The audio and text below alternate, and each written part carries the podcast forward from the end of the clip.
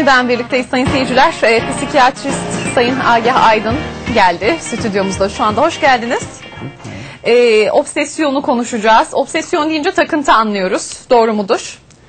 Ee, aslında e, evet doğru diyebiliriz. Halk, a- a- halk arasında takıntı hastalığı olarak da geçiyor. Hı hı. Siz tanımlayacak Ama, olursunuz. Evet, obsesif kompulsif bozukluk hastanın yani e, tıpta kullanılan adı bu. Ama biz onu biraz daha Türkçeleştirelim isterseniz. Hani obsesyonlara saplantı, kompulsiyonlara da zorlantı diyebiliriz. Biraz daha açarsak bunu, saplantı e, belirli düşünceleri, duyguların, dürtülerin kişinin iradesi dışında tekrarlaması kafasında sürekli. Ve onu bir şekilde engelleyememesi. Yani önüne geçemiyor. Hiçbir şekilde iradesiyle ona e, söz geçiremiyor gibi bir durum var galiba. En önemli özelliği bu evet. Kompulsiyonlar da e, bu o, saplantıların e, yani obsesyonların e, yarattığı bu kaygıyı azaltıcı bir tür te- tedbir mahiyetinde düşün, düşünebileceğimiz bazı düşünceler, davranışlar daha çok eyleme dökülmüş e, hareketler bunlar. Yani hastalık da daha çok bununla bir, bir- o, Birlikte ortaya çıkar. seyrediyor. Zorlukları orada görülür. Aslında obsesyonlar da çok sıkıntı vericidir. Yani birini tehdit edici, tehdit edici bir düşünce, duygu, dürtü gibi düşünebiliriz. Diğerini de tedbirmiş gibi. Kişi ondan kurtulmak için, o düşüncenin yarattığı, o duygunun yarattığı şeyden kurtulabilmek için e, tehdit algısından kurtulabilmek için bazı davranışlar, bazı düşünceleri tekrarlamalar filan gibi şeyler yapar. Evet. Şimdi Temel şeyi bu. Her insanın zaman zaman bazı dönemlerde saplantılı olduğu konular olabilir. Gider, gelir.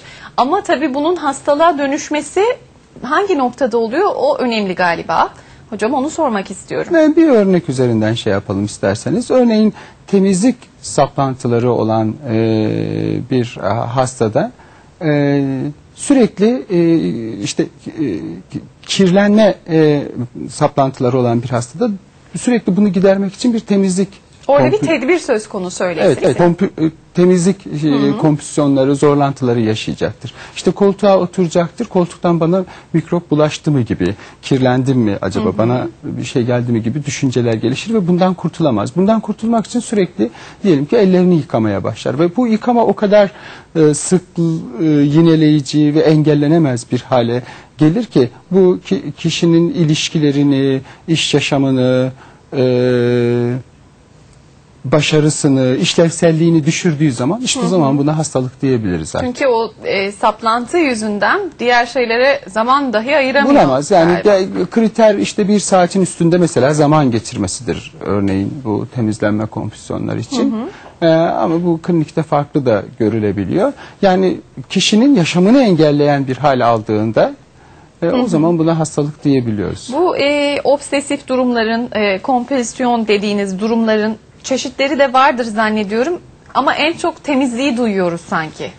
Ee, en çok e, obsesyon bu, bu bulaşma, kirlenme o obsesyonları olabiliyor. İşte simetri Aa, evet, simetri hastalığı olabiliyor. diye hani halk arasında Ee, bilinen. Kompüsyonlarda bunlarla paralel olarak e, te- temizlenme, e, dü- düzenli olma, simetrik e, gibi e, işte yanlış bir şey yapacağım düşünceleri, başıma bir şey şu- şunu şunu düşünürsem başıma şu şu gelecek gibi e, olabilir daha nadir olarak.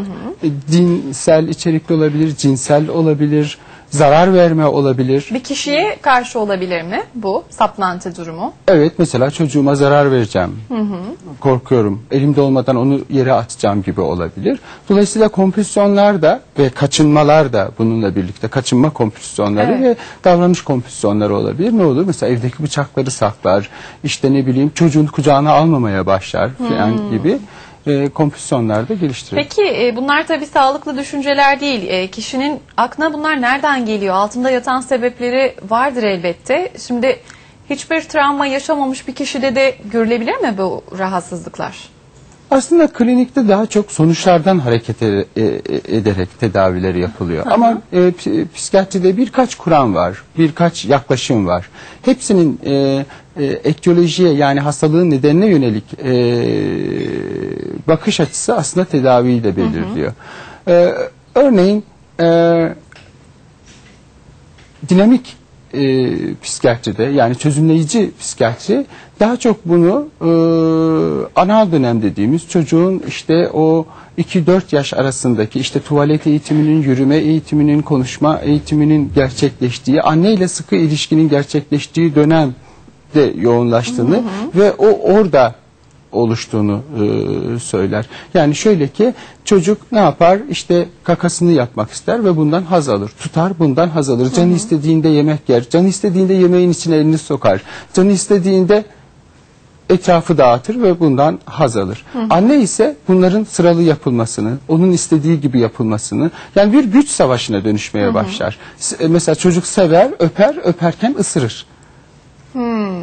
E, Saldırganlık yani söz konusu. çocuğun dünyası bir haz üzerine kuruluyken annenin dünyası dış dünya yani çocuk toplumsallaşmasını sağlar bu. Bir gerçeği gerçeğe doğru, toplumsallaşmaya doğru çekmeye e, çalışır onu. İşte bu haz ilkesiyle e, gerçeği değerlendirme ilkesinin çatışması bir güç savaşına dönüştüğünde e, o zaman çeşitli problemler ortaya çıkar. Bu güç savaşı nasıl olur? Mesela çocuğa şu kadar yiyeceksin, böyle yiyeceksin e, gibi bir baskı geldiğinde çocuk buna direnebilir. Çünkü onu ertelemiş, e, hazını ertelemiş, engellemiş o- oluyor. Aslında burada çocuğun kızdığı şey yemek yemesinin istenmesi değil. Nasıl istendiği, üslup çok önemli. İşte bu çok şiddetli olduğu da böyle karikatürize edebiliriz aslında dinamik yaklaşımı. Yani anne babalara baskı yapmamak görevi düşüyor öyleyse o 2-4 yaş arası. Bir Ee, şey baskıyla yaptırmamak mı? Ölçülü olmak diyelim. Ölçülü olmak. Evet bunun dozu kaçtığında çünkü kişi bir baskıyla karşılaştığında onu ifade edecek başka yollar bulur. Onu bedeniyle, düşünceleriyle başka şekillerde ifade eder. O zaman nasıl bir karakter çıkar karşımıza? Düzenli, disiplinli ama bazen de bunu protesto eden düzensiz, disiplinsiz, bazen tutumlu hatta cimri, bazen de savurgan biri ortaya çıkar. Tıpkı ne gibi? Kakasını tutup haz aldığı gibi bir de bazen de canı istediğinde hiç olmadığı bir yerde bıraktığı gibi işte bir tutumlu olabilir. Örneğin mesela kendisi için hiç para harcamayan biri, erişkinlik hayatında kendisi için para harcamayan biri e, pul koleksiyonlarına milyon dolarlar harcayabilir. Hı hı. Yani o zaman özelliklerine baktığımızda e, işte bir e, ikircikli bir durum olduğunu görüyoruz. Yani, o günlük davranışlarda da yine bir ölçüsüzlük var Evet, aslında. evet hastalıkta da bunun e, o aşırı uçlarını görmüş oluyoruz. Bir başka yaklaşım nedir? İşte bilişsel davranışçı ve e, terapi yöntemleri arasında da e, bu hastalıkta bunun çok etkin olduğu söyleniyor. Onda da bazı çocuk bu dönemle ilgili bazı otomatik düşünceler geliştirir. İşte mesela anne çok baskıcıysa onu aşağılayan, sınırlayan biri ise işte ben sevilmeyen biriyim, zaten her şeyi yanlış yapıyorum, şunu şöyle yaparsam başıma şu şu gelecek. İşte bu bütün olumlu şeylerle olumsuz şeyleri birbirine benzetir. Ve ileride eee, o olumlu şeyler arasında kurduğu benzerliklerden aklına kendince kötü bir düşünce geldiğinde o düşüncenin tekrarlaması sonucunda bazı işte kompulsiyonlar eee, e, geliştirir. Bir başka yaklaşım biyolojik psikiyatride mesela onu öyle de açıklayabiliriz. Orada da e, beyindeki sinya- sinyalizasyon sistemlerinde bazı bozukluklar olduğu, işte e, şeyin görüntüleme tekniklerinin ilerlemesiyle bazı anatomik bölgelerde hasarlar olduğu, iletim problemleri, ba- bazı e, nörotransmitterlerde yani o iletişimi sağlayan maddelerde eksiklikler ve fazlalıklar olduğu, e, özellikle serotonin düzeninde bir takım bozuklukların olduğu söyleniyor. O da o yoldan açıklanıyor ve tedavi de onun üstüne kurgulanıyor.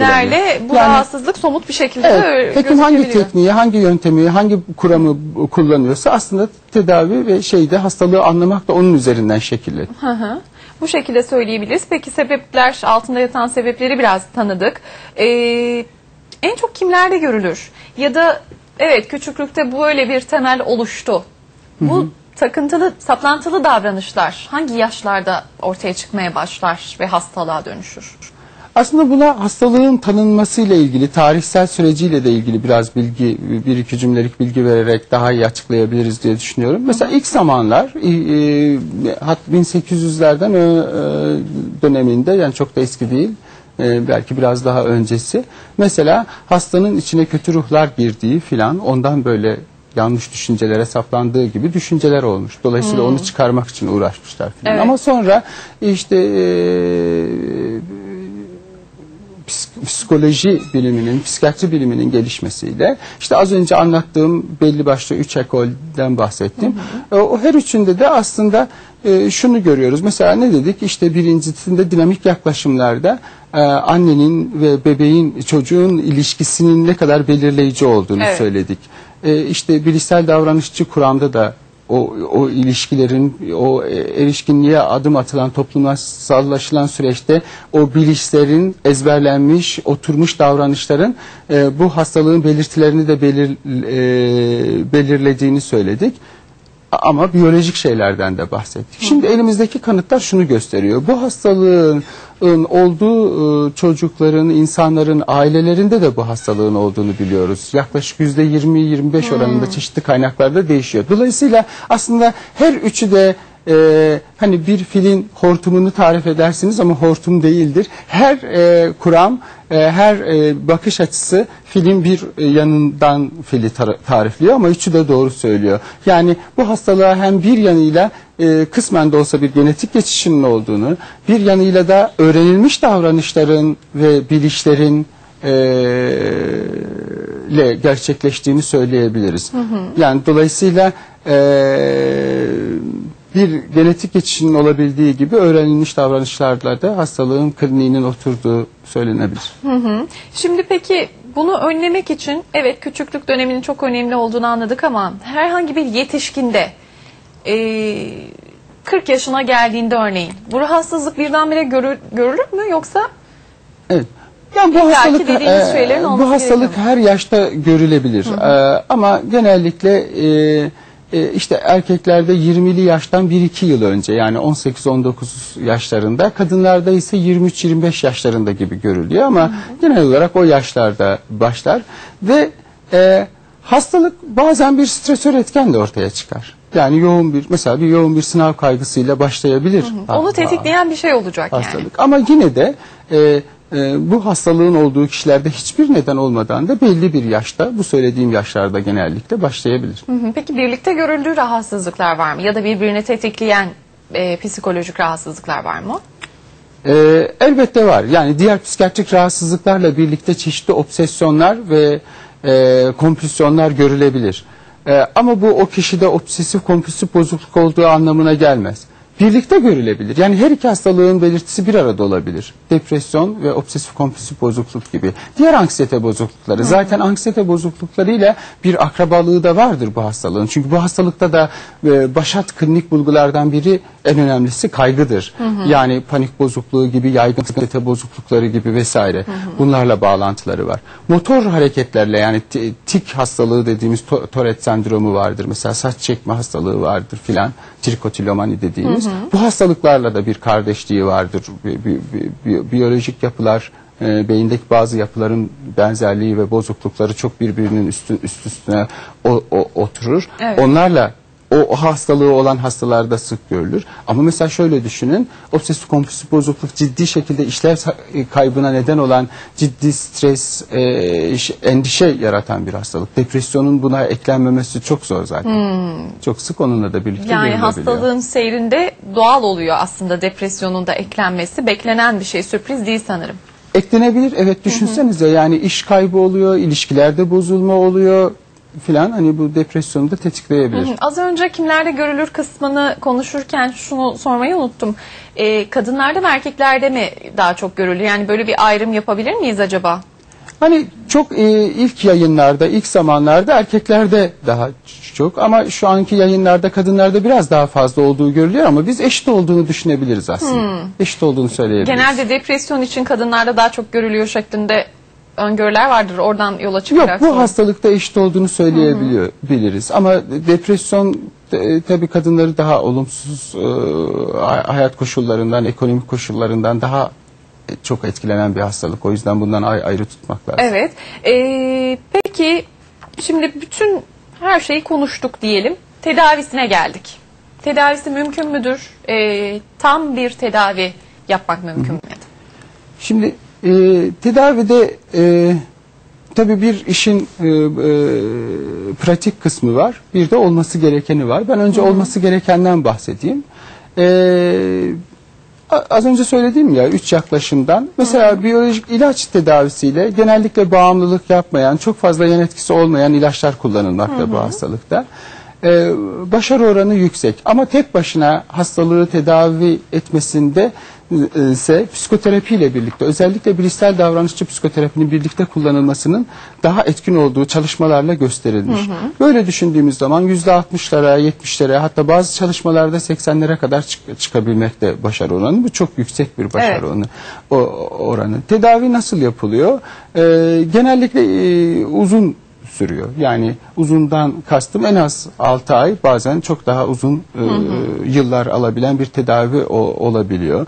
E, ilaç tedavisi düzenli ilaç kullanımını gerektiriyor.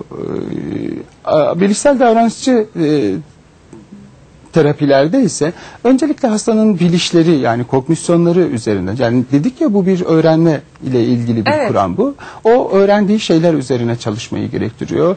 İşte e, davranışçı e, bazı ödevler veriyor. Bu hastalıkta temel şey ne dedik? Obsesyonları var, kompulsiyonları var. Yani bazı düşünceler var e, ve bazı davranışlar var. E, bazı kaçınmaları var, kaçındığı davranışlar var. Fobik davranışları var. Ba- e, ba- bazı tekrarlama kompulsiyonları var. E, o zaman mesela buna yönelik oluyor. Öncelikle bunu, bunu ortaya çıkarılıyor. Ne yapılıyor? Hastayla birlikte bir tedavi rasyoneli belirleniyor. İşte amaç belirleniyor. Yani bunun e, başlangıçta bu tedavinin bu davranışçı bazı bir takım ödevler veriliyor. Bir endişe, kaygı yaratacağı ama giderek bunun azalacağı, işte şu, şu kadar sürede şunlar şunlar yapılarak e, bir, birlikte hastayla birlikte hareket ederek ve hastanın Tedavinin sürekliliği kaygı açısından düzeyine bunu göre. Mesela örnek verelim diyelim ki çöp kutusundan kaçınması olan bana çöpten mikrop bulaşacak diye e, kaçınması olan bir hastada e, hangi yöntemi kullanıyoruz? Mesela, e, üstüne gitme diye Türkçe'ye çevirebiliriz herhalde. E, kaygı düzeyi gidip hemen çöp kutusuna dokun diyemezsiniz. İşte önce mutfağa gireceksin çöp kutusuna bakacaksın. İkinci, daha yakın bir yerde duracaksın. Üç, e, atıp açıp kapağın içine bir şey atacaksın gibi. İşte 4-5 maddelik hastayla birlikte Adım adım. oluşturulan bir şey. Ve bu işte e, süre üzerinde konuşulacak. İşte önce 5 dakika, 3 dakika neyse. E, e, diyelim ki ko- kompülsiyonlar e, ise mesela işte e, temizlikle ilgili ise mesela önce banyoda 5 saat kalacaksınız. Bir kalıp sabun bitireceksiniz. İşte sonra 3 saat kalacaksınız filan gibi böyle kaygıyı basamak basamak derece derece hastayı çok tedirgin etmeden bu birlikte karar verilen ve belli bir sürede de konunun başlangıçta konulan hedeflere ulaş- ulaşıldığında da tedavinin sonlandırıldığı bir şey. İlaç tedavisi de bununla paralel olarak belirtilerin e, iyileşmesine göre. Bazı hastalarda e,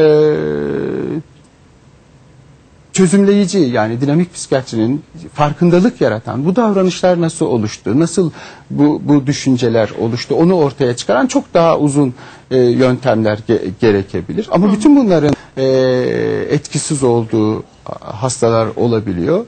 E, şu anda çok kullanılmasa da cerrahi yöntemler kullanılabiliyor. Mesela işte Bir beyin bu operasyonu işte gibi mi? kaudat nükleus dediğimiz bir beynin iç kısmında bir bölü, bölge var. Orayla işte korteks yani beyin kabuğu arasında bir bir takım bağlantılar var. Buradaki sinalizasyondaki bozukluklardan kaynaklanıyor. Mesela çok eskiden lobektomi yaparlarmış. O kısmı çıkarırlarmış o yanlış düşünceyi. Ama daha sonra biraz daha geliştirilmiş bu. O bağlantıları kesme yöntemi kullanılmış. Evet. Ama başka sorunlar çıkmış. Ama bu söylediğinizi anladığım kadarıyla çok nadir yapılan bir tedavi şekli. Dirençli vakalarda Öyle mi? denenmesi düşünülebilen, bazı yerlerde, e, bazı merkezlerde yapılan ya da e, işte bir uyarı bozukluğu olduğunu dediğimiz gibi derin e, Anladım. o oraya bazı piller, e, elektrotlar yerleştirerek bazı yöntemler kullanılabiliyor. Tedavisi mümkün ama önemli olan bir hekime başvurmak. Hekimle birlikte o önünüzdeki süreyi de göze alıp tedaviyi birebir uygulayabilmek galiba işin eee, sırrı. Evet, çok Diyelim. güzel ifade. ettiniz. E, Peki çok teşekkür Ben ediyoruz teşekkür Sayın. Agi Haydın yayınımıza katıldığınız için. E, sayın seyirciler şimdi kısa bir aramız olacak. E, aranın ardından her pazar olduğu gibi beslenme ve diyet uzmanı Banu Kazanç'la birlikte olacağız.